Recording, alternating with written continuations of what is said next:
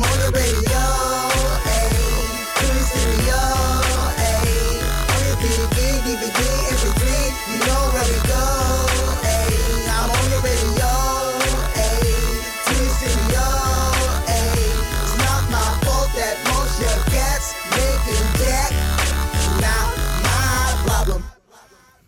Yeah, yeah, yeah, yeah. Welkom mensen, Joint Radio. Mijn naam is 9G Music. Het is een Joint Politics, dus Anaïs, neem jij het over? Ik neem het over. Oh, dat is gelukkig nog gelukt, want vandaag gaat alles mis. Murphy's Law is Ja, in vol De effect. laptop had een update met alle vragen erin. Eh, de tram die hebben ze plots even heel leuk verplaatst naar de andere kant van het centraal. Dus je komt en je moet alle kanten oplopen. Dus het ging allemaal even mis, maar we hebben het gemaakt. Amma die had ook al pech onderweg. Althans, het was zo druk op de weg. Maar ik ga even de gasten voorstellen van vandaag. Ik noem hun naam en dan zou ik het heel fijn vinden als jullie zelf even invullen wie en wat jullie zijn. Heel ongeëmancipeerd begin ik bij de dame. Amma Asante. Als ik het goed zeg. Ja, ja, dat zeg je hartstikke goed. Goedemiddag, luisteraars. Ehm, mijn naam is Alma Assante. Ik ben eh, momenteel eh, voorzitter van de Landelijke Cliëntenraad. Wij behartigen collectief de belangen van Nederlanders die eh, een vorm van een uitkering hebben of een, een beperking hebben waardoor ze niet kunnen werken en afhankelijk zijn van een uitkering.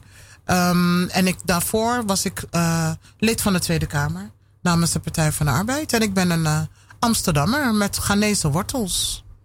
Nou, kijk, hartelijk welkom allemaal. Leuk hier te hebben. En dan ga ik over naar de tweede gast van vandaag. Dat is voor ons alweer een beetje een oude bekende. Gerard Bosman. Ja, leuk om hier weer eh, te zijn. Eh, goedemiddag ook luisteraars. Eh, Gerard Bosman, ik kom uit de Ridderkerk. Eh, daar woon ik nu. Eh, een jaar of vier, vijf. Ik heb overal in het land gewoond. Ehm, eh, niet in Amsterdam overigens. Maar, Ja.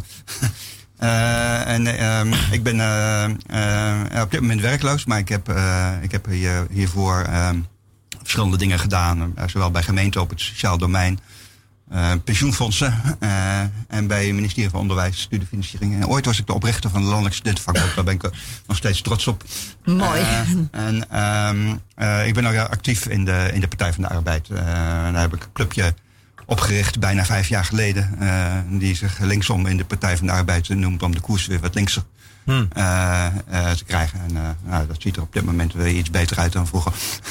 Laten we het hopen, want het is hard nodig met alle problemen in de maatschappij die zich aan het opstampelingen zijn. Wat eigenlijk allemaal komt door de foute maatregelen die het vorige kabinet genomen heeft.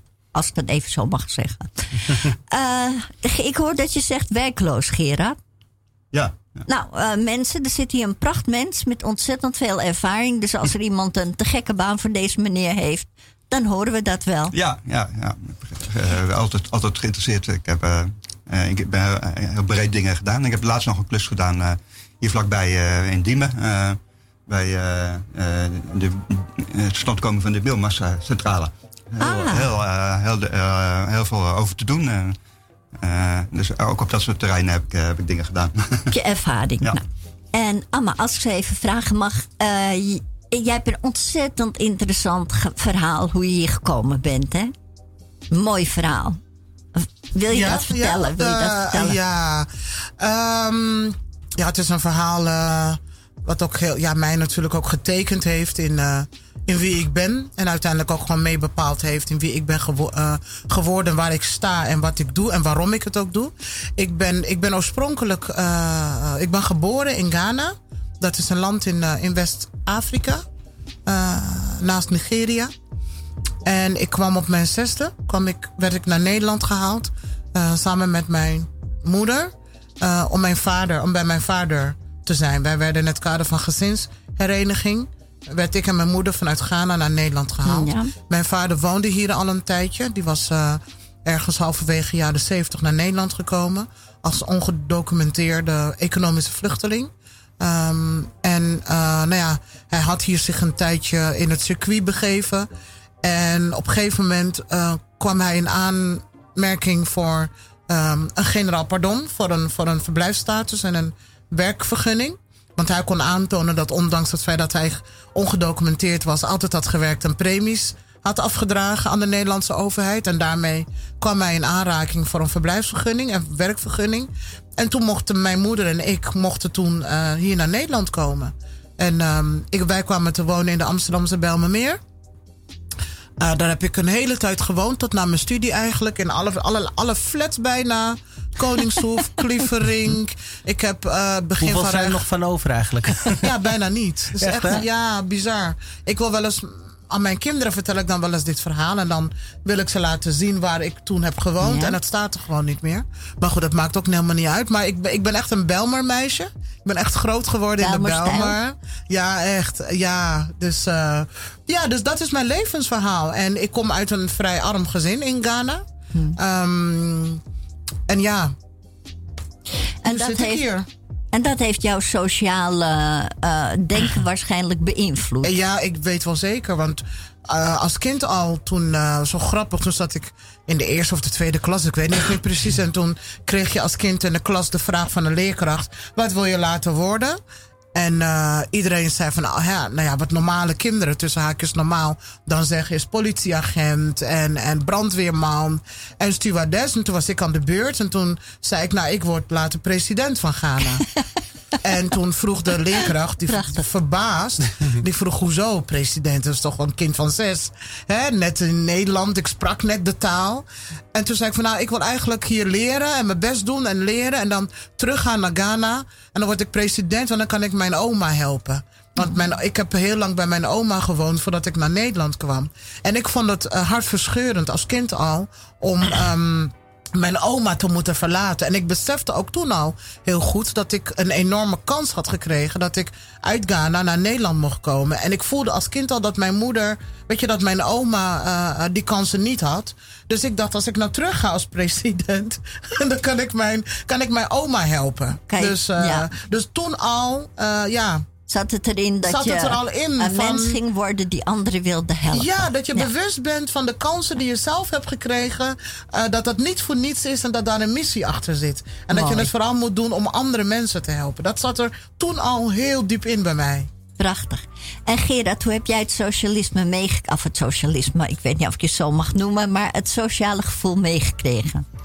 Nou, voor mij mag je het socialisme noemen hoor. Maar, Ja, ehm, ehm, ehm, eh, wel de sociaal-democratische variant. Eh, ik, ik, ik ben eigenlijk eh, een beetje politiek bewust geworden tijdens mijn stages toen ik leraaropleiding deed. En toen kwam ik op, op scholen in Rotterdam-Zuid, Afrikaanse buurt. en in Den Haag en Loosduinen. Daar moest ik zo staan. En dan kwam ik ineens in milieus die ik helemaal niet kende. Eh, er waren, ja, eigenlijk zat je in een klas met kinderen die. ehm, eh, ieder kind had wel een dossier. Eh, en dat waren allemaal verhalen waar, waar- waar, ja, eh, ieder individu eh, eh, daarover s'nachts wakker kon liggen, eigenlijk. En ehm, ik had een aantal vrienden eh, op, die, eh, op de leraaropleiding. En eh, eh, ja, we, we waren dus politiek actief. En het was een bijzondere tijd. Het was de jaren zeventig. Kabinet Den Uil. eh, en die eh, minister van Onderwijs van Kemenade, die was met de middenschool eh, bezig. En uit de leraaropleiding waar ik, op, waar ik op zat, die was bedoeld om leraren op te leiden voor die middenschool. En dat was bedoeld dus voor gelijke kansen, uitstel van selectie. eh, ja. en zo, ik was, daardoor kwam ik in een omgeving terecht die heel politiek ook met dit soort thema's bezig was. En ik werd ook in de praktijk geconfronteerd bij de stages van eh, ja, sociale problematiek. eh, eh, daar was. Dus ik, ik radicaliseerde al gauw.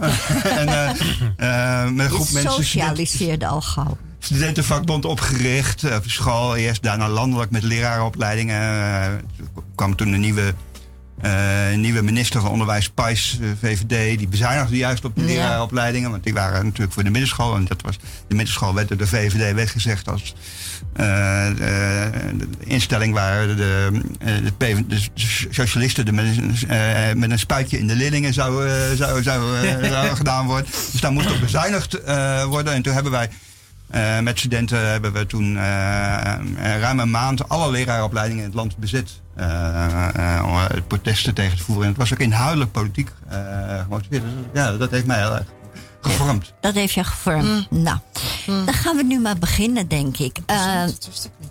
ik moet even zeggen dat... eh, ja, zo hoor je nog eens wat, hè? Ja. Heerlijk. ehm, ik ben dus even, de PC die staat nu op 63%. Dus ik begin WGBV. Die is zo lief geweest om mij de vraag nog even in een persoonlijke boodschap te sturen. En uh, dan ga ik nu even kijken. Dus daar begin ik dan mee. En dan was het. Uh, mensenrechten. Nee, dat moet ik even naar boven. Oké. Discriminatie van kinderen in gereguleerde huurwoningen tegenover kinderen in koopwoningen. Dankzij de belastingwetgeving. Worden. Even kijken hoor, even die indrukken, dan kom ik wel. Ingewikkeld. Nee, ik, ik krijg hem niet binnen. Heel stom. Maar in ieder geval, het gaat hier over als je in een huurwoning woont en je hebt kinderen in huis wonen en je hebt een bepaald inkomen en die kinderen die gaan ook geld verdienen. Dan kan het zijn ten eerste dat je huurtoeslag kwijtraakt. En ten tweede, ja, dat je ook nog eens een verhoogde huur kan gaan krijgen omdat je boven de norm komt van een sociale huurwoning iemand in een koopwoning, die heeft dat dus niet. Die kinderen die kunnen net zoveel verdienen als wat ze willen. En dat gaat dan helemaal niet ten koste van het inkomen af, hoe dan ook. Wat vinden jullie hierover? Wat is jullie idee hierover? Ja, nou, ik heb daar wel een mening over. Um, kijk, de, de, um, de basis van onze sociale zekerheidsstelsel zou moeten zijn. Niet alleen maar om mensen een vangnet te bieden voor als het even tegen zit. Of als het langdurig tegen zit. Maar om mensen juist te stimuleren om daaruit te kunnen komen. Dus ook om kansen te scheppen. Um, deze situatie heeft gewoon, denk ik, uh, te maken met de kostendelersnorm. Ja. Uh, want er is een bepaalde gedachte ingeslopen. Uh, dat de enige manier om mensen die of werkloos zijn of, of, of boven op een bepaald inkomensniveau zitten. En die op de een of andere manier daardoor afhankelijk zijn van overheidssteun. Dat de enige manier om die mensen uit die overheidssteun te krijgen. door die mensen heel hard met allerlei instrumenten te prikkelen. He, dus het wordt je heel erg. Uh, prikkelen, zeg maar aanpakken. Aan te pakken, ja. Dus het wordt, het wordt heel erg ongemakkelijk ja. voor jou gemaakt om overheidssteun te ontvangen. En dat komt voort uit een bepaalde gedachte. Um, ik keek vanmorgen nog naar een filmpje van een, van een raadslid uit Rotterdam. Uh, die zich ontzettend boos maakt over armoede. Uh, en er was namelijk een rapport uh, verschenen. van, van helpen ze, van een ombudsman. Ja. waarin dus uiteen werd gezet hoe mensen met een bijstandsuitkering behandeld werden door klantmanagers in Rotterdam. En dat staat niet op zich.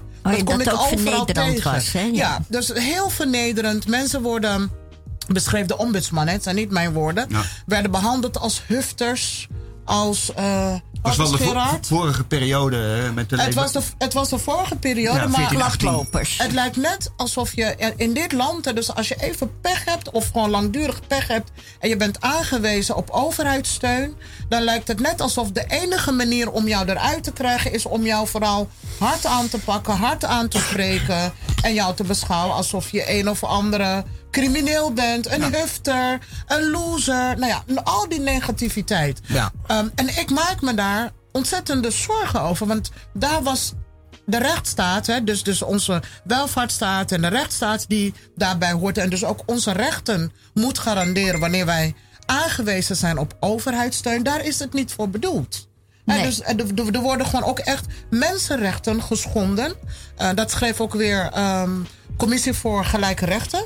Die schreef dus twee jaar geleden al dat ons armoedebeleid uh, uh, zodanig tekort komt dat het eigenlijk bijna schuurt tegen de mensenrechten aan.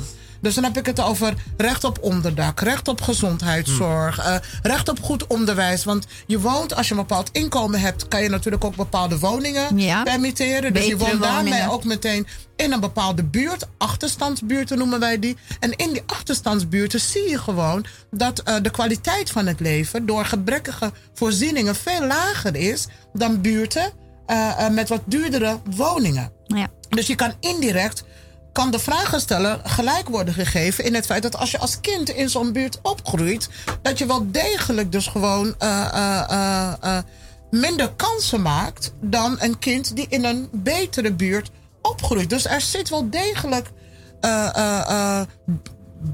discriminatoren effecten in. Dus deze vragensteller heeft indirect gewoon ontzettend gelijk. En het is, het is verontrustend dat we met z'n allen zijn gaan geloven dat als iemand uh, een laag inkomen heeft, uh, dan maar in een bepaalde wijk moet gaan wonen, dat we het accepteren ook. Hè, dat in het basisonderwijs, dan gaan gewoon scholen dicht. Amsterdam Ja, Zuidoost. Er Ja, gaan ja, gewoon ja. scholen dicht, omdat scholen uh, het niet van elkaar kunnen krijgen Om leraren. leerkrachten te vinden.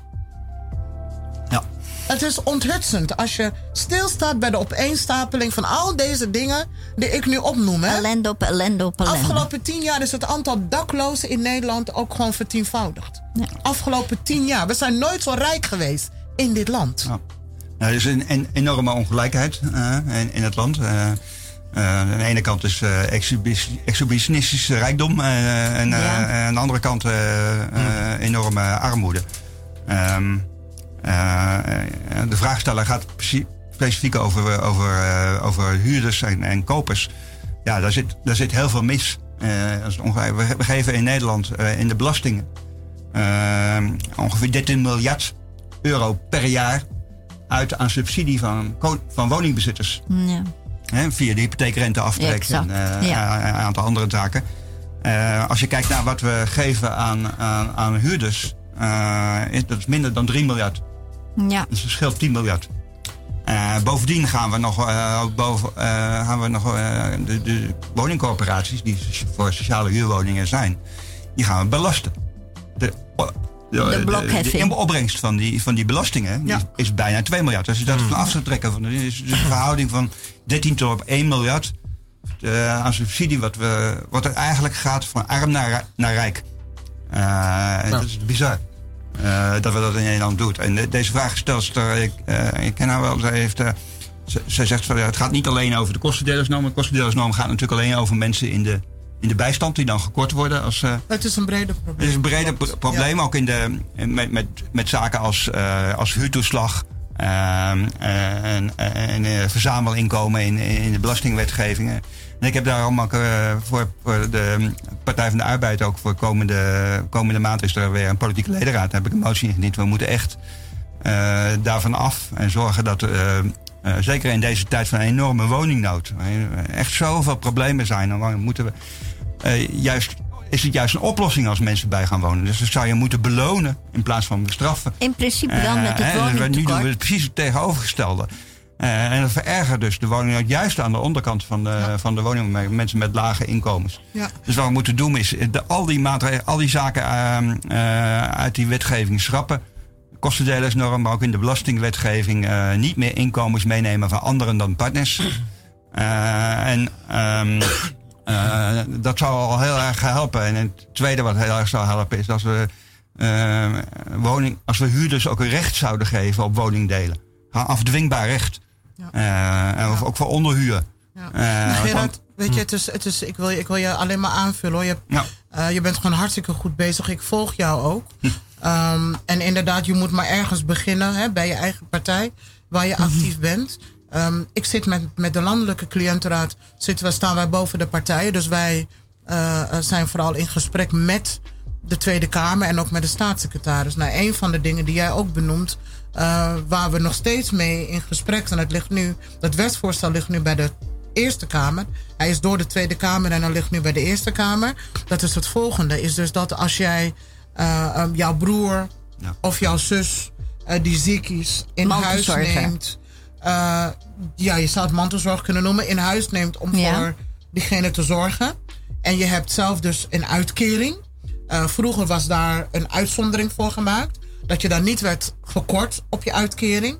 Eh, wat zegt dit kabinet nou? Dit kabinet, ja, maar die, uitzin, die uitzonderingspositie, dat is discriminerend. Dus dat moeten we opheffen. Want andere mensen met een uitkering worden ook gekort als ze iemand in huis nemen. En wij zeggen, ja, maar jongens, het gaat om zo'n kleine groep. Eigenlijk zou je de mogelijkheid om voor elkaar te kunnen zorgen in de participatiesamenleving Ja. die we met z'n allen willen, zou je eigenlijk, wat zou je moeten, doen? Je zou moeten belonen. Ja. Dus wij zouden graag willen eh, eh, eh, dat je die kant op gaat. En niet de kant op van ja, maar hè, je hebt een inkomen. Wij zorgen voor jou als samenleving nogmaals. Hè. De gedachte dat als de samenleving voor jou zorgt. dat jij daar dan voor moet boeten. En wij hebben daar als landelijke cli- cliëntenraad hebben we gezegd, doe dat nou niet. Laat die situatie bestaan. Beter nog, verruim het. Want wij zien dus ook door woningnood eh, eh, dat het veel beter zou zijn als mensen de mogelijkheid zouden krijgen eh, om ongestraft voor elkaar te zorgen. Ja. Nou, dit soort, weet je, dit soort gekke discussies zijn we dus op, zijn we op dit moment in Nederland aan het voeren. Ja, en wat ook zo dubbel is, men heeft bezuinigd op de kosten, de zorg voor zieke Ja. mensen, Ja. Ja, bejaardentehuizen, Ja. die zijn weg. En dan als iemand zijn bejaarde moeder in huis Ja. neemt of vader, dan kan je ervoor gekort worden mocht je een uitkering ja hebben. dus dakloosheid eh, neemt toe. Eh, de zorgkosten nemen toe. Dus mensen zijn inderdaad veel meer aangewezen op elkaar.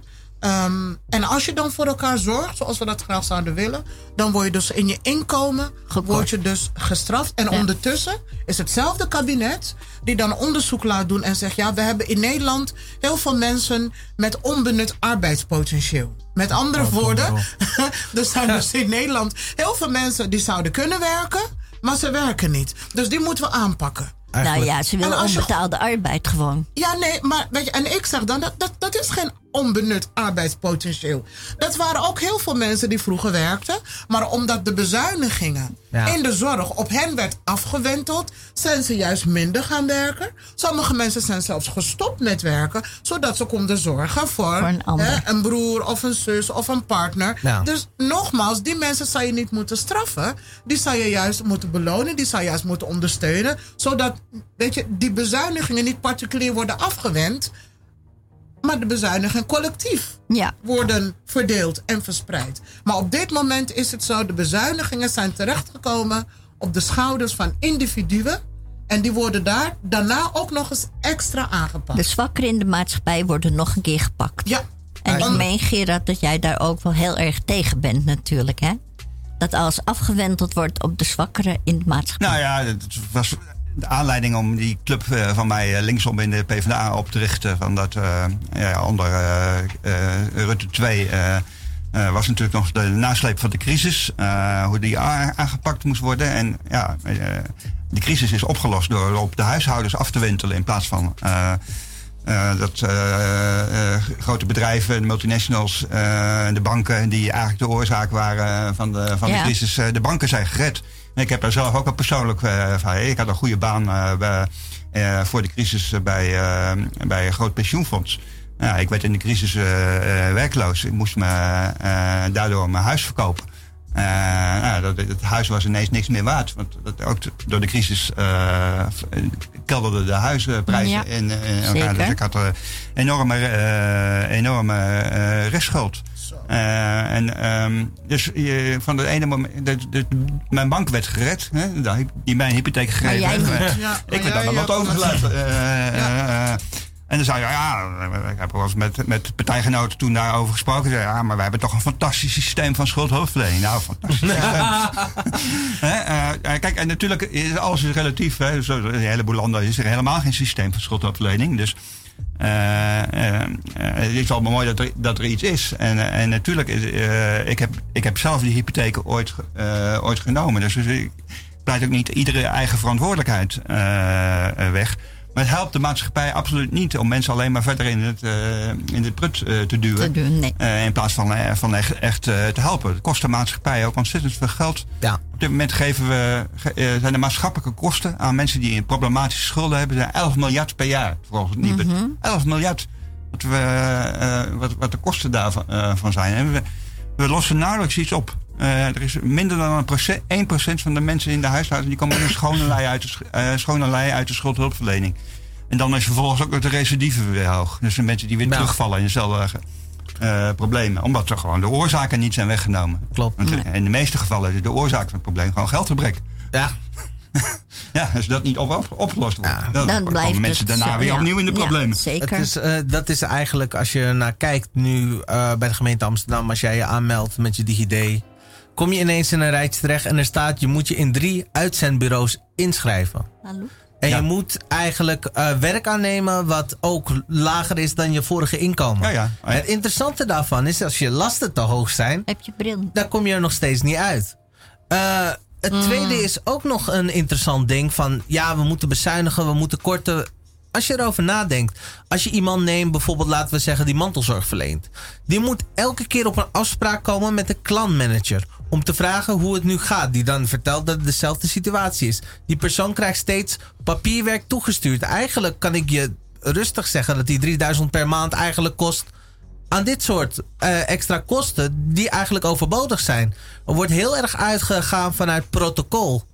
En niet vanuit eh, individuele casussen. Wat ook weer aan de andere kant ook is dat zij eh, niet genoeg mensen hebben aangenomen om die totale werkloosheid op een goede manier in banen te leiden. Ja, dat klopt heel erg. Ik, eh, eh, je had het eh, allemaal net over Rotterdam. Hè? De, de eh, nou, er is nu een nieuwe PvdA-wethouder. Die heeft, de eerste dingen die hij gedaan heeft, is heel goed, is de caseload verlagen. Van de mensen die, ja, van de klantmanagers. Hè? Ehm, ja, ik vind dat een vreselijk woord, want eh, de mensen, eh, mensen Ja. in de bijstand zijn geen klanten.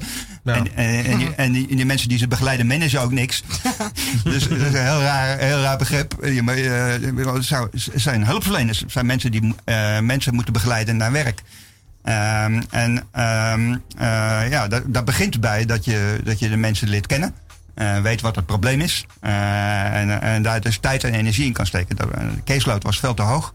Eh, en, en dan moesten ook vaak alleen met digita- digitaal contact. En ik heb het zelf in mijn eigen Ja. ervaring in Ridderkerk ook. Eh, toen ik eh, in de bijstand eh terecht kwam, dan k- dan krijg je ook zo'n gesprek. Nou ja, het, het stelt er helemaal, helemaal niets voor. Die mensen kunnen helemaal niks voor je betekenen. Nee. Ze hebben geen netwerk met werkgevers.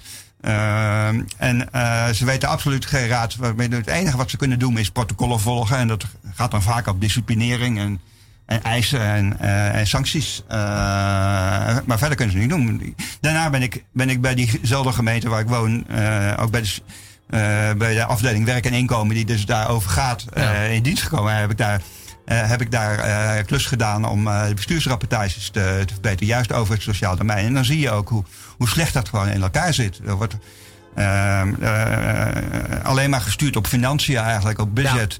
Eh, niet gekeken, kijk, als mensen, eh, mensen stromen ook uit uit de bijstand, eh, uit de bijstand zonder dat ze eh, werk krijgen. Maar dat wordt wel als een plus gezien. Ja. Dat is uitstroom onbekend. Eh, ja, dat zijn mensen die gewoon eh, uit, uit zicht verdwenen zijn, maar daarmee niet Ze uit de schrijft zich problemen. uit uit Nederland. Dat, Ja. is, eh, dat is ook voorgekomen.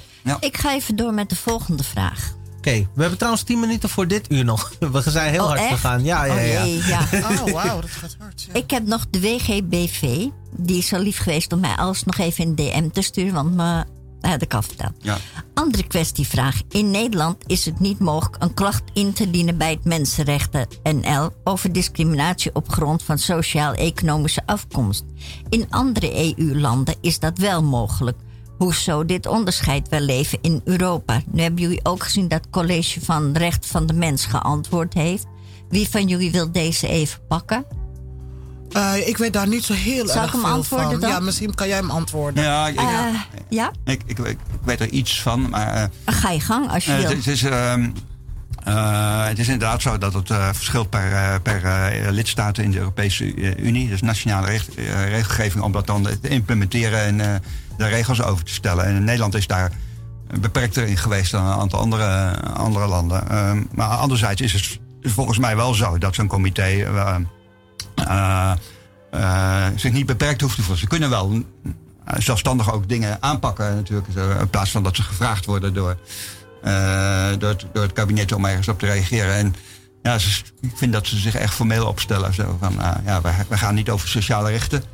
En Ja, ik zal discriminatie even sociale hun- rechten, dat eh, eh, valt buiten onze werksfeer.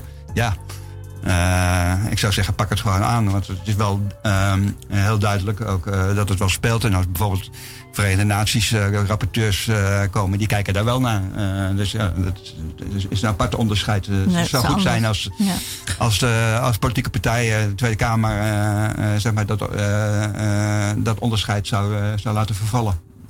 Ik zal nog even hun antwoord geven. Het college toetst klachten aan de gelijkbehandelingswetgeving. Deze wetgeving verbiedt discriminatie op sociale of economische status niet. Het college besteedt wel aandacht aan armoede en mensenrechten. Zie onder andere de rapportage uit 2016. Maar ja, wat je ook rapporteert, als we nemen naar die mevrouw van de Verenigde Naties die hier kwam naar aanleiding van Zwarte Piet, is racisme. Daar werd ook niet naar geluisterd. En dat werd ook afgedaan als ja, ze is zelf donker. Ze zal wel. eh, Ja. hè? Ja, ja. En dat is best dubbel, want ik weet dat Nederland. eh, moet ik even denken, ik denk een jaar of vier, drie terug geleden. Het kabinet heeft toen ingestemd met een. eh, ook weer met een rapportage van de VN. Waarin werd geconcludeerd dat er eh, voor mensen van Afrikaanse komaf. eh, eh, op heel veel vlakken. Dus in het onderwijs, op de arbeidsmarkt, eh, in culturele zin. Gewoon op alle gebieden is er dus geconcludeerd eh, door de VN dat eh, mensen van Afrikaans komaf in Nederland ergens onderaan de ladder bungelen. Dat het Ja. gewoon niet zo goed gesteld is met hun positie. En ik, ik, heb, ik heb toevallig in die jaren daar wat mee gedaan. Ook namens het ministerie van Sociale Zaken zelf. Nederland heeft die aanbevelingen ook aangenomen. En heeft gezegd: wij starten een tienjarig programma. Dat heet The Decade. eh, vertaald decennium. En er is een tienjarig programma omarmd en gestart om juist dit soort vraagstukken aan te kaarten en ook op te lossen. En dat is best wel dubbel, hè? dus aan de ene kant omarmen we zo'n rapport. Eh, Maar we doen niets eh, mee. Nou ja, we beginnen een programma. We, we Ja. doen er wel wat mee. Hè? Maar, maar aan de andere kant kan dus iemand hè, met zo'n klacht die zegt van ja, maar ik word dus sociaal-economisch word ik gediscrimineerd. Die kan dus dan weer nergens heen om aan recht te halen. Met andere woorden, eh, ehm, we, erkennen, we erkennen het probleem wel, maar we bieden mensen niet echt de mogelijkheid om ook. Want het gaat ook om recht. Hè. Ik vind als jouw rechten geschonden worden, dan, dan zou je als burger van dit land niet afhankelijk moeten zijn van liefdadigheid. Of eh, het welbevinden van een ander om te zeggen van nou daar ga ik wat aan doen. Nee, het gaat gewoon om mensenrechten schending. Je moet dan je recht kunnen halen. Want we leven per definitie in een democratische rechtsstaat. Ik wil niet afhankelijk zijn van hoe iemand zich voelt. Eh, of ik mijn recht al dan niet zou kunnen behalen. En dat is wat er op dit moment wel aan de hand is in Nederland. Ja. Hè? En dat is heel dubbel. Ik ga En dat is dubbel. één Ja. vraag voor eh, Gerard. Dat is een vraag van eh Dutch Vis, Michael. En die vraagt: wat, ga jij, wat denk je eraan te gaan doen aan het verdienen aan armoede? Aan het verdienen aan armoede. Ja, je hebt hem gezien volgens mij, of niet? Ehm, Eh, dat er zoveel verdiend wordt aan de schuldsanering ja, ja, en zo. ja, ja, ja, ik snap wat je bedoelt. Ehm, eh, ja, er is natuurlijk een hele industrie eh, eh, bijna aan, aan, aan hulpverlening daarom. Maar ook zeg maar, als het gaat om het innen van schulden. is een levendige, levendige handel in. Ik had zelf, vertelde ik, een hypotheekschuld. Nou, die is door de bank verkocht naar een andere instantie. Hè? En dan vervalt ook de zorgplicht van de bank. En dat is natuurlijk allemaal heel raar. En het zijn instanties die gewoon heel veel geld aan je. Ik heb eh, ook een aantal jaren in de schuldhulpverlening gezeten. Daar ben ik eh, ook weer uitgekomen zonder dat het probleem opgelost is. Eh, maar ondertussen hebben wel een heleboel mensen eh, aan mij geld verdiend. Ja. De, de, de, bewindsvoerders, incasso-industrie, mensen bij de, die bij de, bij de gemeente, ook weer vaak private partijen, commerciële partijen die dan ingehuurd worden in plaats dat de gemeente het zelf publiek or- organiseert. Dus er zit- een hele eh, industrie omheen eh, van mensen die er flink geld aan verdienen. En het is ook de afgelopen jaren is, ehm, is dat eigenlijk steeds erger geworden. Want allerlei regelgeving is geschrapt en allemaal geprivatiseerd en geliberaliseerd. Zelfs de deurwaarders, eh, gerechtelijke deurwaarders, die eh, eh, vroeger een beetje toch ook een onafhankelijke status hadden, net als, als notarissen en zo. Dat zijn nu commerciële partijen. Ze worden ge- eigenlijk gedwongen om ook com- commercieel te opereren. Eh, ja, dat, is, eh, dat zijn allemaal precies de verkeerde prikkels. We zouden Ja. deurwaarders, net als in Zweden bijvoorbeeld, gewoon in dienst moeten nemen bij de overheid. Eh, En dan- en dan en met, een, met een eet. En dat iedere klant bijvoorbeeld nog maar met één deurwaarder te, te maken krijgt. En dat, dat soort dingen. Dus ja, ik erger me daar heel erg aan. En dus ik denk ook dat we daar heel veel aan kunnen doen. Maar dat vraagt wel een totaal andere aanpak dan wat we nu, Wat we nu hebben, ja. hebben. Amma, één Ja. minuut, want dan gaan Oh, we eruit. Oké, nou wat jammer. Ik ben. eh, eh, de Landelijke Cliëntenraad heeft twee weken geleden. eh, samen met een groot aantal andere organisaties, maatschappelijke organisaties in Nederland een akkoord gesloten om juist oplossingen eh, eh, te formuleren voor de armoede en schuldenproblematiek. Ja. Eh, en een van de dingen waarvoor wij gepleit hebben, maar wat nog steeds weerstand ondervindt eh, bij de minister Sander Dekker, die daar verantwoordelijk voor is, is wij zouden graag willen dat er een verbod komt, of in ieder geval een maximum wordt gesteld op de percentage wat bovenop een schuld mag worden gelegd. Ehm, Een wettelijk percentage. ja, het liefst zouden we willen dat het helemaal wordt geschrapt. Maar daarvan wordt gezegd dat kan niet van, vanwege Europese regelgeving. Dus eigenlijk Oh, zouden, we, zouden we naar Europa moeten. Maar wij zeggen dan, de Europese regelgeving verbiedt niet dat je een maximum stelt. Ja. En een maximum zou dan 100% moeten zijn. Met andere woorden, hè, als ik een schuld heb van 50 euro, dan mag dat dus maximaal 100 euro worden. En niet zoals Niet het nu meer gebeurt, 1000. 400 Ja. euro. Dus er zijn heel veel maatschappelijke organisaties in Nederland die hierover nadenken, die oplossingen geformuleerd worden. Maar nogmaals, het klopt elke keer weer tegen de politieke weerstand aan. Iedere keer gaat er weer de politiek zet zijn haren rechtop Ja. en er gebeurt niets. Ja. Heel snel nog even Geert, want dan gaan we er ik- even ik- uit. maar Het voorstel wat ik heb eh, gedaan, ook in de partij, is van we moeten faillies- eh, faillissement ook anders maken. Nu moeten mensen drie jaar lang in een, in een traject komen als uh, schuldsanering. Ik, ik wil dat eh, huishoudens net zo behandeld gaan worden als bedrijven in het land. Dat je één keer in de zoveel jaar gewoon failliet kan gaan en dat er dan geen gevolgen meer zijn voor je toekomst. Precies. En je levert, je, levert eh, je, je geld en eh, je vermogen in. eh, en je, je houdt dingen nodig om te leven. Maar daarna is het ook, is het ook over. Dat is in Amerika ook zo. En, sommige dingen zijn, zijn vreemd genoeg in Amerika beter, geregeld dan, dan dan, dan hier. Ja. En het is heel vreemd dat eh, we, we wel toestaan dat allerlei malafide eh, ondernemers eh, bedrijfjes failliet kunnen gaan en vervolgens gewoon weer verder kunnen, kunnen opereren.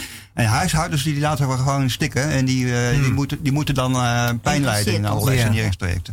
Nog even heel snel. Wat wel heel typisch is, dat een heleboel banken die de problemen ook veroorzaakt hebben, nu bijvoorbeeld weer die gered zijn met staatssteun, wat Ja. mensen niet gedaan worden en nu weer onder vuur liggen, wegens het doorlaten van witwassen van bedrijven. Ja. Wij gaan er even uit, ja, Nanji. Ja, ja, eigenlijk als je er nu naar hoort, het laatste wat ik er nog wil aan toevoegen.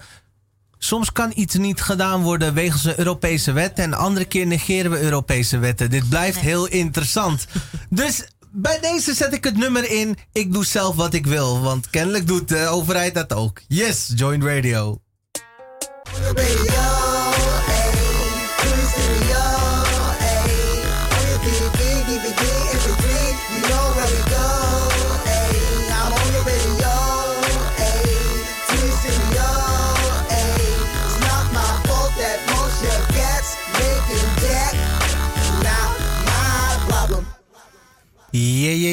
Welkom terug bij het tweede uur van Joint Radio. Mijn naam is 9G Music en vandaag is de Joint Politics, dus Anaïs, take it away. Goedemiddag, daar zijn we weer met nogal wat problemen. Ik had gevraagd, stuur me alsjeblieft een DM. En dat is helaas niet gebeurd, waardoor nu mijn laptop heeft het even begeven. En ik ben de vraag kwijt, dus ik moet improviseren voor zover ik kan. Mocht jullie je vraag nog herinneren, gooi hem even op Twitter, want pak hem van mijn telefoon af, mobiel. Goed, dan gaan we verder met Amma Assante en Geert Bosman. Carmen Kleinegris die vraagt: waardoor komt het dat sekswerk en sekswerkers geen normale arbeidspositie kunnen innemen in onze maatschappij? En waar zou de basis kunnen liggen om dit wel te bewerkstelligen? En zo niet, om welke reden dan niet? Nou, ik denk dat er op sekswerk, op prostitutie, ehm, eh, er nogal een, een, een groot maatschappelijk eh, oordeel ligt. En dat is ook niet geheel onterecht. Eh, niet altijd geheel onterecht, sorry, excuses, ik moet hierin heel voorzichtig zijn. Ehm, dus de maatschappij eh, erkent het niet als werk. En het is pas sinds ja, een aantal jaren dat het wel zo is. Hè? Dus Ja. dat je in ieder geval als sekswerker een SOFI-nummer dus belasting betalen. kan aanvragen en belasting kan betalen. Maar je ziet gewoon nog steeds op alle, alle fronten dat we als samenleving nog worstelen met de positionering van sekswerk, de erkenning uh, uh, van sekswerk en de positionering daarvan. Um, ik heb me een aantal jaren geleden, toen ik nog van in de gemeenteraad van Amsterdam zat, heb ik mevrouw mee bemoeid in de zin dat ik samen met mijn toenmalige collega Carina Schaap, maar wordt ons ook niet Ja. trouwens door iedereen in dank genomen hebben wij eh, met een groot aantal landelijke en lokale organisaties een onderzoek gedaan naar eh, de positie van vrouwen in de sekswerkindustrie. En wij kwamen dus heel veel misstanden Ja. tegen, heel veel misbruik. Eh, en wij hebben vooral die kant van het verhaal belicht. Eh, ehm, en vooral vanuit de positie van de vrouwen ook. Hè? Dat als we er eenmaal voor kiezen, dat ze dat, dat, dat dan ook op een veilige manier kunnen doen. En niet door een Exact. ja. Souteneur worden misbruikt, die daar dan zelf beter eh, eh, van werd. Maar om het dus samen dat ze te niet uitgebuit worden. dat ze niet uitgebuit worden en dat het echt een eigen pure keuze zouden kunnen zijn. Want wij kwamen erachter dat heel veel vrouwen eh, die wij toen tegenkwamen en zagen, het niet uit eigen pure keuze deden, maar daar min of meer of door omstandigheden, of door een souteneur, of door wie dan ook ertoe gedwongen werden. Waardoor ze bijvoorbeeld nou, heel veel risico liepen. Eh, gezondheidsrisico's, financiële risico's, eh, risico's om, om, om mishandeld te worden, gebruikt te worden, geslagen te worden, eh, noem maar op. Maar om het samen te vatten, ik denk dat ehm, de samenleving nog steeds worstelt met de positionering van sekswerk als erkend legaal werk. En daardoor zijn de rechten dus ook van sekswerkers nog heel zwak. Komt het misschien ook omdat ik kom uit die buurt, hè? En ik heb ook vertaald voor Spaanstalige prostituees. Die hadden een probleem, of sekswerkers. Die hadden een probleem met, eh, die hadden kinderen. En die kinderen zaten op school. En er moest iemand zijn die daarvoor opkwam. En omdat ik Spaans sprak, was dat voor mij makkelijk om te doen. Een heleboel vrouwen, inderdaad, die komen dus in een soort misdadig milieu terecht.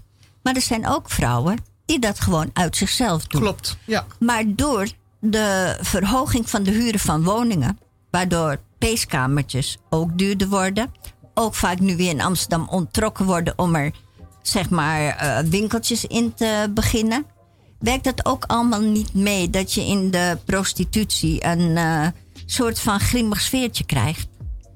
Ja, dat kan ik me heel goed voorstellen. Als, jij, eh, als jouw huur eh, opeens verhoogd wordt, dan moet je natuurlijk als sekswerker ook je prijzen eh, eh, eh, aanpassen. Dus je moet misschien in plaats van dat je 50 euro vraagt, moet je misschien wel 100 euro gaan vragen of 70 euro. Ja. Waarmee dus ook jouw klanditie natuurlijk ook afroomt. Want ja, niet iedereen zal in staat zijn om die 100 euro te betalen. Dus ik kan me heel goed voorstellen dat dat ook weer de nodige druk ehm, met zich meebrengt.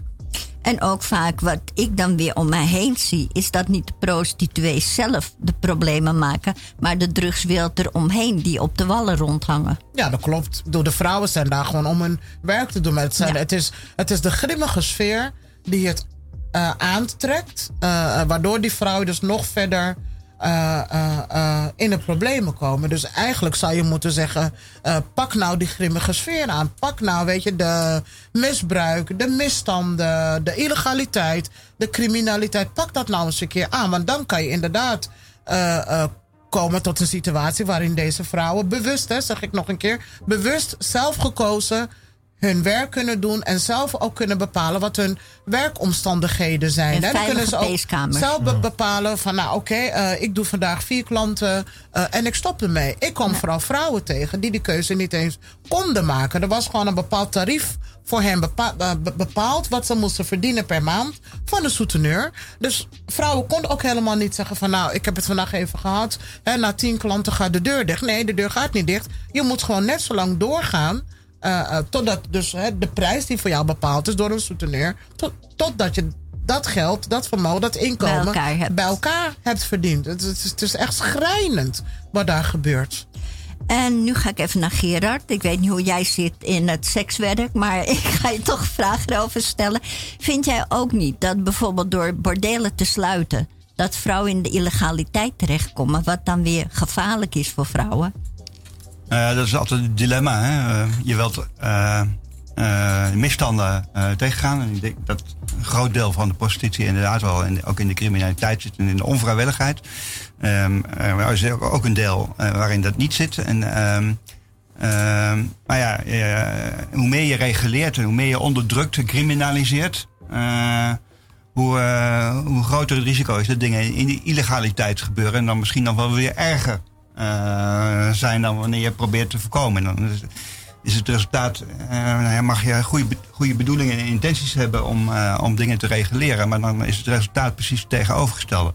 Dat blijft altijd een dilemma. Waar leg je grenzen? Ik begreep dat, eh, ik ben niet helemaal op de hoogte van laatste stap van zaken, maar ik begreep dat er nu een wetsvoorstel ligt om bijvoorbeeld de leeftijdsgrens te verhogen, nou, van 18 naar 21 jaar. Ja, En, en- en- en nog iets met, met ja dat is, eh, hier in Amsterdam is het al 18 jaar, maar in Ja, maar ze andere... het kabinet wil naar 21 jaar. Ja, god, die willen ook Dus dan- van alles. dan- Het dus is, eh, jonge meisjes worden dan verboden. Dan denk ik van ja, ik snap waarom. Maar, Maar je mag wel stemmen met verdwijnen 18. die meisjes dan naar de illegaliteit? Eh, ja, eh, Nou, weet je wat het is, Gerard? Weet je, ik vind dat de maatregelen die we altijd nemen als het gaat om prostitutie. eh, ehm, die maatregelen zijn gericht op de verkeerde doelgroep. Met andere woorden, ehm, ik heb me wel eens afgevraagd, hè, waardoor ontstaat de behoefte aan sekswerk? Eh, en in mijn analyse, en ik wil niet zeggen dat ik de waarheid in pacht heb, maar in mijn analyse is sekswerk ook gewoon onderhevig aan marktwerking. Het is Ja, vraag meer- en aanbod. ja, ja. En de maatregelen die wij tot nu toe als samenleving met elkaar kunnen bedenken, richt zich vaak toch op het aanbod, de vrouwen. Hè? Terwijl je kan ook zeggen, laten we nou eens een keertje kijken naar de vraagkant. Oeh, maar dan krijgen we het Zweedse model. En wat is dat dan? Nou, dat de, ehm, degene die een prostituee bezoekt, dat die strafbaar gesteld wordt. Nee, het gaat niet om strafbaarstelling. Oh, oké. Nee, nee, nee. Het gaat mij niet om strafbaarstelling. Want ik, daar ben ik ook heel erg bang voor. Dat als je het strafbaar Ja. stelt, dan bereik je het omgekeerde Om- ja, als wat je zou willen. Nee, waar ik het gewoon meer over heb, is dat je ook eh, eh, dus de vraagkant, dat je die ook bewust maakt van waar vraag je naar. Met andere woorden, eh, zou, het, zou mijn behoefte, hè, want dat kwam ik ook tegen aan jonge meisjes eh, of hoogzwangere vrouwen. eh zou mijn behoefte als man, als klant, om daar seks mee te hebben, is het normaal dat daar altijd maar in wordt voorzien? Dat zijn hele andere vragen die je dan krijgt. En ook een heel andere. Is het normaal? Is het normaal dat als jij zin hebt eh, in seks, ik, ik, ik zeg het gewoon zoals het is, met een meisje van 15 of 16, dat daar maar een aanbod voor geschapen wordt? Waar ben je mee bezig? Dus als Ja, we maar dat vind ik wel heel erg, hè? Want Ja, dit gaat pedofilie kan. Ja, Ja, ik weet het. Ja, Als ja. ik, Het als ik daar ook mag op aanvullen, dit is ook één ding. ehm, de politie eh, heeft gewoon heel eh, veel problemen met aanpak van cybercrime. En wat je nu heel vaak ziet is dat er, eh, hoe heet dat, via eh, social media zoals Snapchat en dergelijke dames foto's, filmpjes en seksdates verkopen. En dat eigenlijk, eh, daar is totaal geen overzicht over. Daar is eh, eigenlijk totaal geen controle over. En dat is, dat is wel een hele riskante eh, en zorgelijke ontwikkeling op het moment. Ja, weet je, wat je ook doet, ik nogmaals, ik heb de waarheid niet in pacht, maar ik zou willen dat vrouwen die sekswerk doen, en mannen overigens ook, ik moet het ook niet helemaal doen alsof het alleen maar vrouwen zijn, die doen ook mannen, dat zij dat wel overwogen kunnen doen in een veilige omgeving Ja. en dat ze daarvan kunnen leven. En daarvan zeg ik dus, het is niet alleen maar dat je eh aanbodkant hè, reguleert, maar je moet ook de vraagkant, daar moet je ook iets mee doen. En dat begint gewoon met bewustzijn. Nou, ik heb hier een vraag van Ab, Buis, Ab. Die zegt, waardoor komt het dat sekswerk en sekswerkers geen normale arbeidspositie kunnen innemen in onze maatschappij? En waar zou de basis kunnen liggen om dit wel te bewerkstelligen? Of is dit niet haalbaar en om welke reden niet? Nou, wie van jullie? Ik vind hem lastig. Ik denk, ik begin toch, hè, een van de redenen. Één daarvan is er rust gewoon eh, taboe op sekswerk. Ja. Twee, en vanwege dus ook de grimmige kant ervan, hè, zijn we tot nu toe eh, eh, alleen maar bezig geweest met het reguleren van de criminaliteit. Hè, en, en daardoor verdient het niet of krijgt het niet eh, de positie die het zou moeten hebben.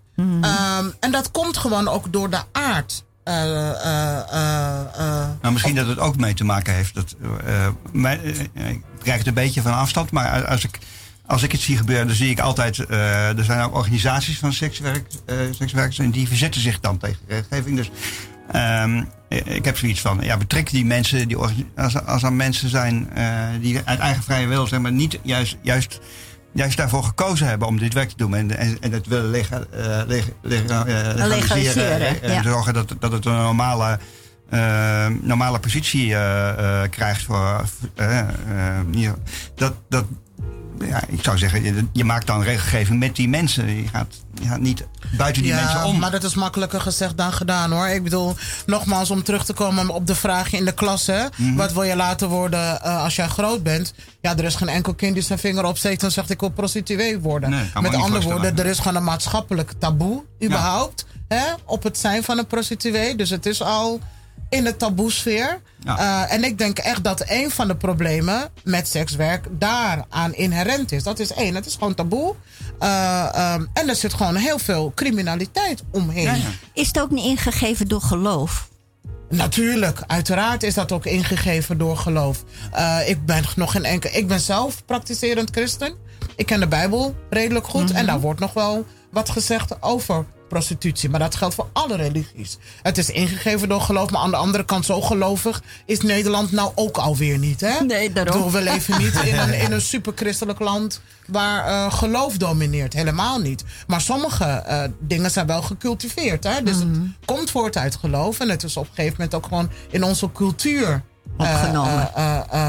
ingeslopen. Maar nogmaals, ik wil de laatste zijn die eh, de situatie van sekswerkers. eh, ik kan het gewoon niet over mijn hart verkrijgen. Want ik heb er een paar heel goed gekend. Ik wil het niet romantiseren. Ik ben hier niet om te zeggen eh, geweldig. Nee, ik, ik blijf nog steeds pleiten eh, eh, voor de grimmigheid die het soms aantrekt. En daar kunnen die vrouwen niks aan doen. Dus het ligt niet aan die vrouwen. Nee, het komt door het snelle geld verdienen waardoor mannen aangetrokken Door het worden. snelle geld verdienen, waardoor het verkeerde mannen Ja.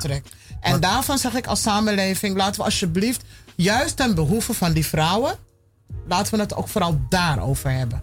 Oké, we eh, nu... oh, Als ik nog één ding mag aanvullen, wat ik Heel denk. sneller, want ik heb Ja, ja, vragen. ja. Eh, wat een heel groot probleem bij dit is, is eh, toen het gelegaliseerd was in Nederland officieel, was het ook zo dat er een aantal vrouwen die zich hadden als zelfstandigen ingeschreven, een lening bij de bank gingen aanvragen. En die lening kregen ze niet. Geen enkele bank wou eraan meewerken. Dus er is ook een groot probleem als je, als je kijkt vanuit eh, hoe heet dat, het bedrijfsleven van Nederland zelf, die eigenlijk niet correct reageert op eh, stappen van legaliteit. Ja, je criminaliseert die vrouwen Precies. daardoor dus nog meer. Ik Juist. bedoel, het, prachtig zou, het prachtige zou natuurlijk zijn dat die vrouwen gewoon zo zelfstandig zijn en economisch ook Ja. zelfstandig kunnen zijn. Dat ze hun beroep ook zo zelfstandig mogelijk kunnen uitoefenen Juist. zonder, weet je, nou ja, Ja. al die foute verkeerde dingen eromheen. waar En daarom eigenlijk de, de, stappen waarin het legaliseren en eh, in de praktijk het wordt uitgevoerd, daar ligt een heel grote afstand Ik denk dat we nog een lange weg te gaan hebben om sekswerk ook daadwerkelijk een Daar goede positie. Ja, ik Ja. denk het wel. En maar eh, het valt of staat wel met de aanpak van de criminaliteit en het misbruik daaromheen. Die is er en laten we daar ook onze ogen niet voor sluiten. Want uiteindelijk zijn het ook weer vrouwen die daar Ja. slachtoffers van, van eh, worden. Klopt. Maar is het ook niet eigenlijk een beetje gekomen omdat we tegenwoordig een andere maatschappij gecreëerd hebben? Vroeger in de Marktbuurt bijvoorbeeld, de Wallen. Ja, er zaten dames en dat was een gewoon iets, een gegeven iets. Tegenwoordig zijn er allemaal mensen uit andere buurten komen wonen, andere gedeeltes van het land. En die hebben nu zoiets van, eh, ja nee, dat wil ik helemaal niet bij mij op de, deur, eh, op de stoep hebben. Terwijl zij daar zijn gaan wonen. Dus is het niet een beetje raar, want je bent nu met een groep mensen van buiten gaan wonen tussen prostituees en heb je er wat tegen. Als je er wat tegen hebt, ga dan niet wonen, zou ik zeggen. Ja, ik weet niet Misschien of het simpel. daardoor komt. Ik denk, ik denk dat prostitutie eh, door de bank genomen altijd al... eh, eh, daar heeft altijd een taboe op gerust. Ik denk nou niet dat het eh, alleen maar te maken heeft met de nieuwe bewoners die daar nu zitten. Het is, het is altijd een, een, een ja... Nee, goed, maar het was een sfeer van. Het was een soort, ja, gedoogsfeer is een beetje een raar woord, maar het was een sfeer, ze waren klaar. En nu is het eigenlijk zo, maar oh, sorry, met de cafés. Al die woningen, die zijn nu woningen geworden voor juppen, tweeverdieners die het heel goed hebben. De originele mensen, die zijn naar Permanent en Almere weg eh, gedaan. En eh, dus de hele sfeer in de buurt is eigenlijk veranderd. Als ik dan even over Amsterdam mag praten. Ja Maar is het, ook niet zo, Amsterdam- sorry. is het ook niet zo dat met de mensen die, eh, zeg maar, de vrouwen eh, die daar werken, dat daar, die populatie ook veranderd is?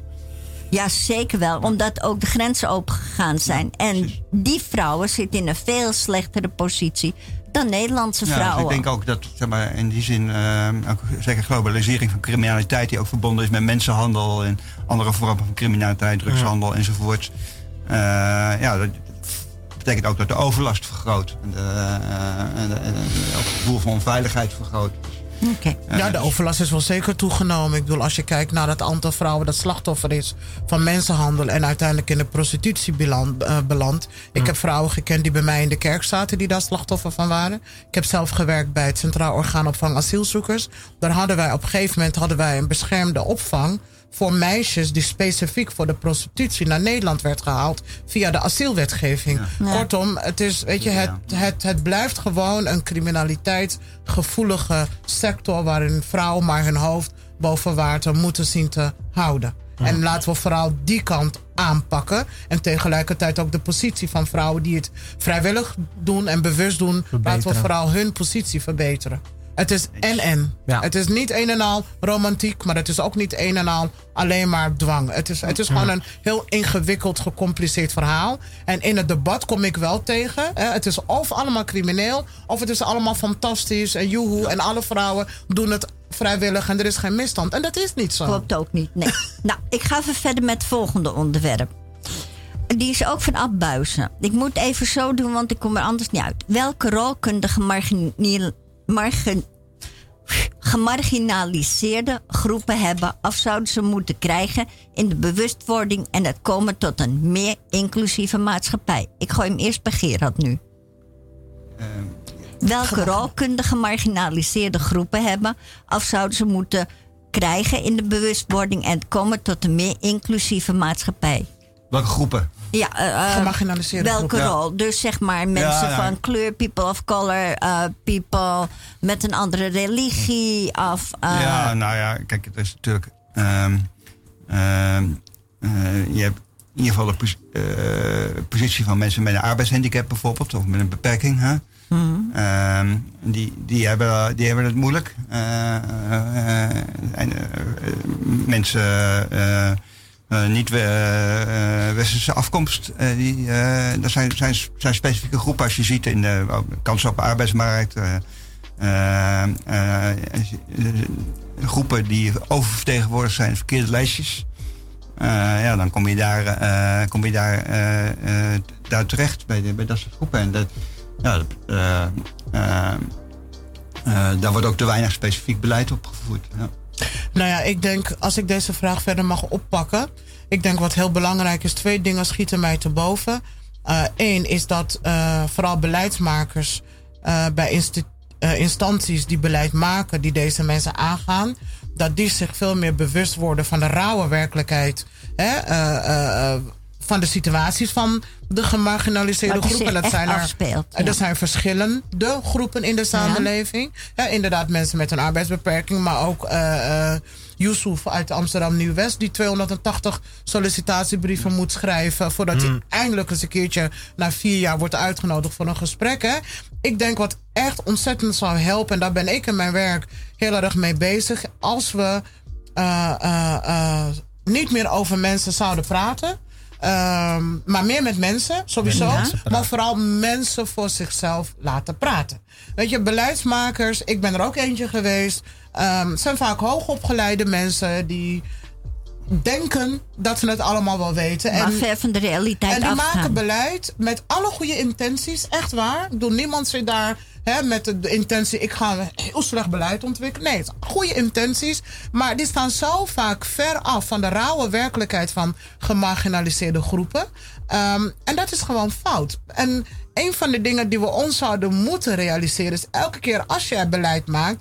Wees je ervan bewust van, goh, als de mensen voor wie ik dit beleid zou maken, het zelf mochten maken, wat zou er dan in terecht moeten komen? Met andere woorden, weet je, Ervaringsdeskundigen. ervarings, zet ervaringsdeskundigheid in. Dat is één. Maar aan de andere kant laten we er niet omheen eh, draaien. Het is ook een machtskwestie. het, is, eh, eh, het is een accumulatie van macht. Als het gaat om kennis, als het gaat om invloed, als het gaat om geld. En er is gewoon, ook in Nederland, is er gewoon een bepaalde elite die eh, in het bedrijfsleven, in de politiek, overal aanwezig is. Ehm, en als je zegt, laten we nou jongens ons bekommeren om de gemarginaliseerde groepen. En dan ontstaat al heel een discussie van ja, maar hoe zit het dan met mij en mijn positie? Het, het is ook een machtsvraagstuk. Ehm, en wat ik nu ga zeggen klinkt eh, eh, best wel zwaar. Maar ik zou heel graag willen dat mensen eh, die in een ge- gemarginaliseerde positie zitten, vaker hun stem zouden laten horen. Laat je stem Juist. horen. En het klinkt heel makkelijk, hè? Want ik, ik, ik, ik, zo makkelijk is dat niet. Als jij gem- gem- gemarginaliseerd bent, om dan maar je stem te laten horen. Ehm, maar we zien ook gewoon nu, eh, ehm, je, ons stelsel, ons systeem zit gewoon vast op een aantal punten. En dat kan soms niet anders dan dat mensen om wie het gaat gewoon keihard opstaan en van zich laten horen. Want het gaat om macht. En machtsstructuren laten zich nou eenmaal niet zo heel snel veranderen. Die verandert alleen als, als mensen die in die positie zitten het gevoel hebben van oké, nu moeten we ons wel bekommeren, want hè, anders zijn wij er slechter vanaf. Het is, het is, ja, het is dubbel. Maar ik denk wel dat dat moet dus meer bewustzijn, meer ervaringsdeskundigheid. Deskundigheid. Maar laat mensen ook maar gewoon hun stem horen en vaker de straat op gaan. En Dus hun allemaal op de tractor uiten. maar. Wat zegt u? Allemaal op de tractor maar. Nou ja, nee, ja, nee, ja. Ik Ja, vind het, ik, laat je nee, stem nee. horen. Ik vind het, ik vind het heel erg. Hè, dus dat je op een tractor eh, eh, moet gaan springen en dingen moet gaan vernielen. eh, en dat je daarmee je zin krijgt. Dat is natuurlijk waanzin. Überhaupt, wat kost een tractor? Hoeveel mensen kunnen zich een tractor veroor- Ja. veroorloven? Snap je? Dus die kant moeten we ook niet op willen. Nee, goed, maar het was maar een grapje hoor. Nee, dat snap ik. Ja. Maar, maar goed. Nee, maar het is, er, zit, er zit aan beide kanten zit er een waarheid achter. Als je kijkt eh, hoe, hoe destijds toen met Mitch Henriquez in de Schilderswijk, hoe daar is gereld. Dat heeft zeer zeker effect gehad. Omdat op een gegeven moment kon niemand er meer omheen. En aan de andere kant heb je dan ook bijvoorbeeld mensen die, bijvoorbeeld zoals Kick-Out Zwarte Piet, Zwarte Pietse racisme, die werkelijk hun stem overal hebben laten horen. En overal kenbaar waren. En beide hadden gewoon effect. Omdat uiteindelijk kun je niet meer om de mensen heen. En dan zul je toch gedwongen naar moeten luisteren. Ja, maar ik denk wel dat we, en daarom reageerde ik misschien zo fel op die tractor. Mhm. Ik denk dat we ten alle tijde geweld eh, eh, eh, moeten voorkomen. Daar ben ik geen voorstander van. Dus ik zou. nee, dat, dat, weet dat, je, dat begrijp ik ook. Ik, ik, ik en de constateer jongens van processen. Zwarte Piet zijn daarin een goed voorbeeld. Zijn, En die hebben precies, altijd daarom- geweldloos verzet Daarom geleverd. pakte ik die twee voorbeelden, omdat het juist echt heel tegenstellingen zijn. Eigenlijk zou je kunnen zeggen dat de ene meer de weg van Martin Luther en de andere meer Ma- Mal- Malcolm X koos. Dus Ja. Ja. Nou, ik vind Malcolm goed. Maar goed, even wat anders. Eh, we gaan even naar de kostendelersnorm. Dat is een walgelijk iets wat ingesteld is door de vorige regering. En dat houdt in dat meerdere mensen die in één huis wonen... gekort worden op inkomens zodra ze een uitkering hebben. En dan ook nog eens op de woning gekort worden. Gerard, begin jij hiermee je licht te laten schijnen? Nou ja, we hebben het straks al, eh, uur ook al e- even kort aangestipt. Hè? Dus kostendelingsnorm is dus een, eh, betekent dat je in de, als je in de bijstand zit, dat je dan gekort wordt op je, op je bijstandsuitkering als er andere mensen bij je in, eh, bij in huis wonen. Omdat je dan eh, eh, de regelgeving ervan uitgaat dat je minder kosten eh, hebt. Omdat je, ja, je hebt een kostenvoordeel omdat je een aantal voorzieningen deelt. Dus je hebt minder nodig. En het idee is, nou, eh, je, je, wordt zo kort mogelijk, eh, je moet mensen zo kort mogelijk houden qua financiële mogelijkheden. Want dat geeft ze een prikkel om, eh, om uit, die- uit de uitkering te gaan. Ja, het is een heel dwaas, heel, heel dwaas iets in, in de eerste plaats, omdat dus armoede bevordert. Mensen komen daardoor onder het bestaansminimum. En ehm, eh, eh, ja, het, gaat ervan uit dat mensen die prikkel nodig hebben. En de meest, meeste mensen die in de bijstand zitten, die willen wat graag eruit. Eh, dus Maar het is geen vetpot namelijk. dus geen, geen vetpot, hè? Het is geen lolletje om daarin te, in te verblijven. Dus het aantal mensen dat daar vrijwillig eh, voor kiest om, eh, om te verwaarlozen. Eh, dus richt je en- energie op de, op de mensen die wel willen. en help die op goede manier eruit. En er komt dus nog bij waar we straks over hadden van de woningnood die we, die we nu hebben. Het werkt ook nog eens contraproductief daarop. Ja, het verergert de woningnood. Eh, als eh, dat betekent gewoon dat je geeft een prikkel om, om allemaal mensen zelfstandig te laten wonen in plaats van om bij elkaar te wonen. Dus dan wordt, eh, wat, als je meer bij elkaar woont, dan ehm, eh, betekent dat juist dat je de woningnood helpt beperken. En eh, je zou ook nog de armoede kunnen eh, eh, verminderen door juist dat meer mogelijk te maken. En de- dat belo- te belonen in plaats van te bestraffen. Wat vind je, begin ik bij Amma, wat vind je ervan dat mensen dan moeten gaan werken met bijstand, dus met behoud van uitkering, terwijl ze eigenlijk niet veel erbovenop krijgen of zelfs helemaal niet zoveel krijgen? Ehm, ja, dat vind ik ook zo'n rare kronkel in dit land. Ehm, kijk, het is. Het is ehm, natuurlijk is het, is, het, is het goed voor een mens hè, om, te, om te kunnen werken. Eh, eh, of je daar nou eh, heel veel geld mee verdient of niet. Eh, arbeid eh, is gewoon, vooral als je dingen doet waar je goed in bent, die je leuk vindt, dat is gewoon goed voor de mensen. Het is goed voor je eigen ontwikkeling, het is goed voor je eigen waarde. Dat je kan laten zien dat je in staat bent om voor jezelf te zorgen. Want afhankelijk zijn van een ander, of het nou van de overheid is, Is nooit of van, prettig. Is, is gewoon nooit Nee. prettig. Dus laat daar geen discussie over zijn. Hè? Ook ik vind dat eh, eh, eh, eh, werken gewoon iets moois is als je kan werken. Maar wat je ziet in Nederland is dat ehm, er is een bepaald soort recept voor succes in Nederland. En dat recept is vooral geënt op het idee dat je nooit pech moet hebben, je moet nooit ziek worden eh, en er moet jou nooit iets overkomen wat jij niet de baas bent. Dus, dus als jij voldoet aan dat recept, je bent eh hoog opgeleid, eh, ge- gezond, eh, nooit een grote pech in je leven, dan red je het wel in Nederland. Maar dat is niet realistisch. Ik bedoel, vroeg of laat hebben we allemaal in ons leven kleine pech of grote pech. Ja. En wat ik vooral heel triest vind, is dat de manier waarop wij denken dat mensen tot succes moeten komen, zo geënt is op het idee van altijd maar sterker, altijd maar gezond en geen pech in je leven. Ehm, weet je, dat idee zorgt ervoor dat we een bepaald soort gedachten hebben ontwikkeld over mensen die niet aan het werk zijn. En daardoor dus ook een bepaald soort gedachten hebben ontwikkeld over wat er dan helpt. We vinden ze minder en ze moeten aan het handje genomen worden Precies. om weer op de rails te Om komen. weer op de, ik, ik zeg dan, in plaats dat je mensen gaat korten, dus die kostendelersnorm. In plaats dat je gaat korten, wat je eigenlijk zou moeten doen. Mensen die heel lang in de bijstand zitten. Dat zijn mensen die met een grote afstand zitten tot de arbeidsmarkt. Die hebben ook, die hebben ook de kleinste kans om eruit te komen. Als je daadwerkelijk zou willen dat deze mensen uit die granietenbestand, zo noemen we ze ook, hè, we hebben ze naam Ja. gegeven. Je, bent- je bent onder, onder, ondertussen word je graniet. Ehm, wat je zou moeten doen is hun arbeidskansen, hun ontwikkelmogelijkheden, die moet je vergroten. Dan noem ik één concreet ding. Waarom zorgen we er niet voor dat ieder Nederlander eh, eh, je hele leven lang recht hebt op ontwikkelbudget? Ja. Gewoon een vast budget waarmee je je gedurende je werkzame leven kan ontplooien. Kan ont dus op het moment dat jij denkt, ik heb een opleiding nodig of begeleiding of training om mijn positie op de arbeidsmarkt te vergroten, dat je daar aanspraak op kan maken. Dat is een van de dingen waar wij bij de Landelijke Cliëntenraad voor pleiten. Zorg ervoor, weet je, in plaats van dat je mensen straft en verkeerd prikkelt, motiveer mensen. Geef mensen de mogelijkheden. Want nogmaals, Gerard zei het al. eh, eh, de overgrote meerderheid van de mensen, mensen in de bijstand, zit daar niet omdat ze het zo geweldig en fantastisch Nee. vinden. Natuurlijk heb je nou ja, een marge van 7%, 5% van mensen die dat wel prettig vinden.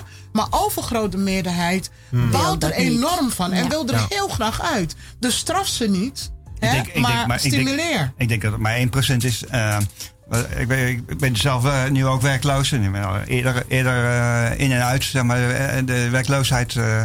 Eh, dus de afgelopen tien jaar, eh, eh, bijna tien jaar nu eh, geweest. Ja, dan, ehm, eh, dan ervaar je ook zelf dat. eh, kijk, werk is zoveel meer dan alleen maar een inkomen.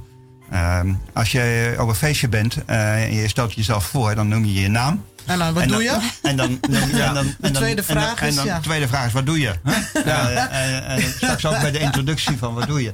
Dus die vraag je altijd af, zal ik, zal ik zeggen van werkloos eh, eh, zijn? Maar dat voelt toch een soort... eh, Alsof je gefaald Ja. hebt. faal. Ja. Ja. Ja. Ja. faal iets. En um, dus er is dus een element van schaamte. En het is ook... Ja, het, eh, het beperkt je dus ook in je sociale contact. Ja, Ehm, je, je, je, je, hebt- je mist een bepaalde sociale context eh, als je werkt. Werk is zoveel meer dan alleen maar inkomen. Maar inkomen is wel heel belangrijk. Eh, en wat, wat we nu doen is ehm, eh, mensen aan het werk proberen te krijgen door ze maar te prikkelen. Want het probleem zit kennelijk bij de mensen. Nee, het probleem zit heel vaak juist ook bij de, eh, bij de, bij de kant van het aanbod van werk. Nou, de bedrijven en- die en ook hebben- niet kan inspelen. Er, er, is, er is zoveel te doen. er zijn zoveel gaten in de maatschappij waar werk te doen is. Waar we het niet organiseren. Ja. Waar we geen geld voor, hebben in dit, voor over hebben in dit rijke land. We zijn een van de rijkste landen ter wereld. Maar Eh, ondertussen zit de helft van de mensen met een arbeidsbeperking aan de kant, hè? Ja, Terwijl er is zoveel vraag naar werk. Ja, ja, mensen maar- met een arbeidsbeperking, die willen heel graag werken. Ja. En die komen niet aan de bak. Mensen die met komen arbeid- niet ik, aan de bak. eh, ik begeleid ook iemand, eh, een jonge, jonge alleenstaande moeder, die probeer ik een beetje te helpen met een licht verstandelijke beperking. Eh, komt, komt die, ja, die is, is nog nooit een reguliere baan eh, kunnen hebben. Die is daar enorm gefrustreerd over, wordt niet eh, geholpen. Maar ik, ik kijk ook naar mezelf. Ik ben, ik ben nu 63. En dan, eh, maar ik merk dus al, sinds, sinds ik eh, voor de eerste keer werkloos ben, word ik al als oud gezien. En word ik daar dus ook Ja. heel beperkt maar eh, eh, nog weer wordt uitgenodigd. Want de arbeidsmarkt heeft, is wel heel krap. Maar ouderen vinden, vinden ook de weg niet naar de, naar de arbe- arbeidsmarkt toe. En eh, mijn stelling is, we moeten niet naar die. eh, daardoor, dat los je niet op door meer pri- prikkels en meer straffen. En, nee, we moeten eh, in plaats van vernederen en straffen, moeten we juist naar verleiding, faciliteiten eh, onderbouwen. Stimuleren. Er moet, ja. eh, dat dat, dat, ehm, eh, werkt volgens mij veel beter. Eh, Ik vind gewoon dat de arbeidspositie. eh, eh, dus eh, als, je, als, als je kijkt naar de positie van kapitaal en de positie van arbeid in ons economisch stelsel, dan zie je gewoon dat arbeid gewoon minder gewaardeerd wordt dan kapitaal. Er is gewoon. Eh, nou, je, eh, verdient, je verdient op dit moment gewoon veel meer geld met vastgoed en met, met vastgoed, kapitaal. met kapitaal. Dan, dan dus- met arbeid. En ook de belastingen werken nog eens een keer zo. Eh, effectieve te- eh, druk op, je, op inkomen wat je uit kapitaal haalt is 9%. Oh ja. Dus er wordt 9% eh, eh, effectief Belast. belasting opgegeven over inkomen uit kapitaal. Uit arbeid is dat 40%. precies. Eh, dat, is, dat is viermaal zoveel.